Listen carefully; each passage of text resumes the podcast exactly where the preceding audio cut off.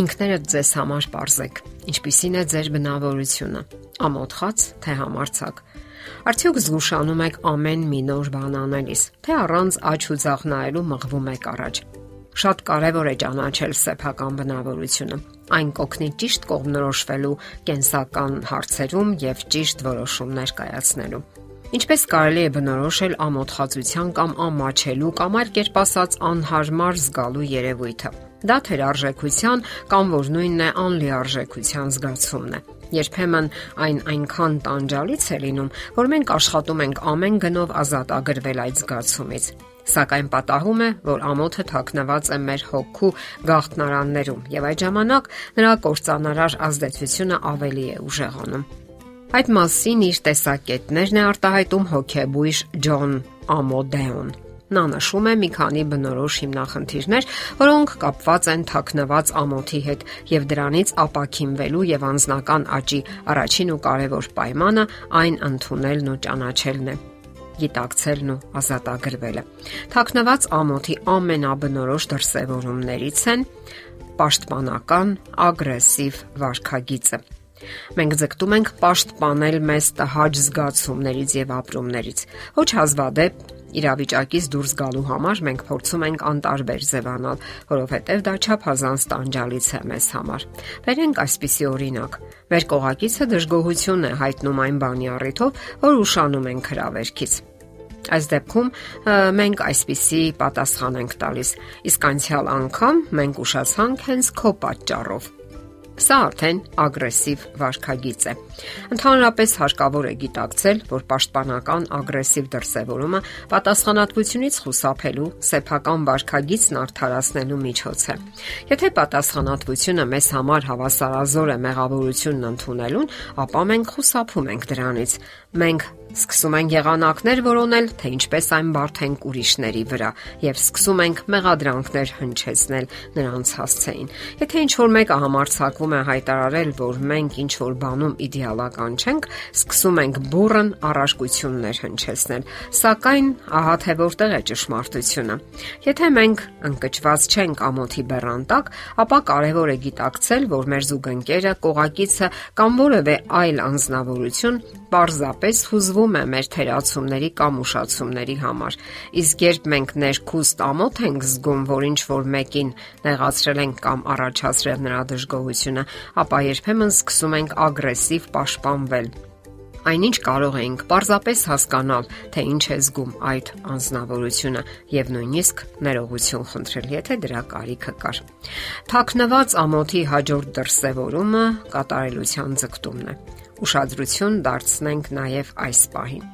Թաքնված ամոթը ոչ հազվադեպ դրսևորվում է անիրական ձգտումների տեսքով։ Լինել կատարյալ ամեն ինչում եւ ամեն ինչ անել կատարյալ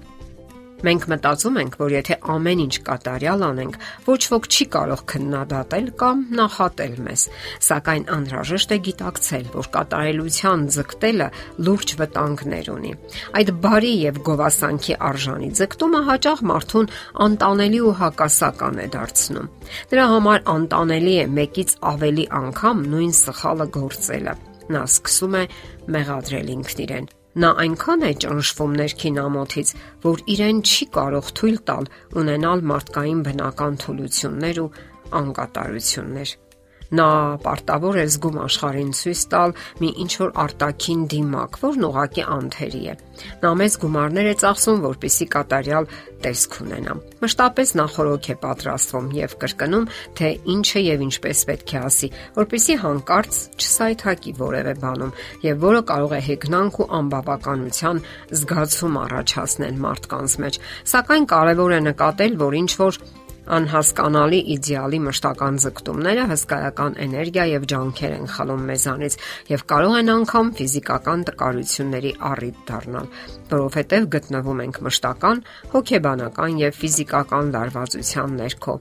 Կարող ենք նույնիսկ հյուծվել եւ կորցնել կապը մեր իսկական եսի հետ, որովհետեւ կատարյալ մարդիկ մեր աշխարհում գոյություն չունեն։ թաքնված ամոթի դրսևորում է, երբ մենք անընդհատ ներողություն ենք խնդրում։ Երբեմն այն ուղակի անհրաժեշտ է, երբ սխալներ ենք թույլ տալիս, սակայն հաճախ մենք անընդհատ ներողություն ենք խնդրում եւ ցանկանում հաջողանալ ուրիշներին։ Ինչու՞։ Որովհետև ներքուստ համարյա համոզված ենք, որ մենք միշտ սխալ ենք, իսկ մյուսները ճիշտ։ Մենք անընդհատ ներողություն ենք խնդրում, որpիսի խուսափենք դատապարտությունից, քննադատությունից կամ կոնֆլիկտներից։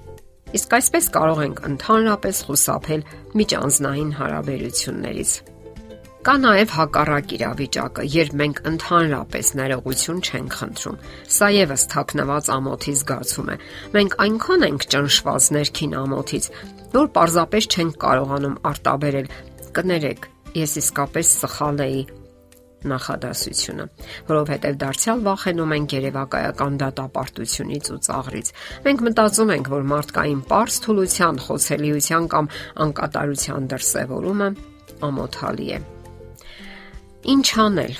Հարկավոր է հիշել, որ աշխարը մեզ այնքան չի նկատում եւ ուշադրության արժանացնում, որքան մենք ենք կարծում։ Պարզապես ճանաչենք մեր ներքին խնդիրներն ու մեզ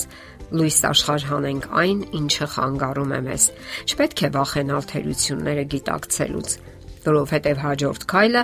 դրանցից հրաժարվելն է։ Եվ վստահ եղեք, որ արդեն կսկսեք ապրել ավելի բարեկեցիկ եւ ուրախ կյանքով, եւ հոգեբանորեն եւ ֆիզիկապես ավելի պատրաստված եւ ավելի առողջ կլինեք։ Եթերում առողջ ապրելակերպ հաղորդաշարն է։ Հարցերի եւ առաջարկությունների համար զանգահարել 033 87 87 87 հեռախոսահամարով։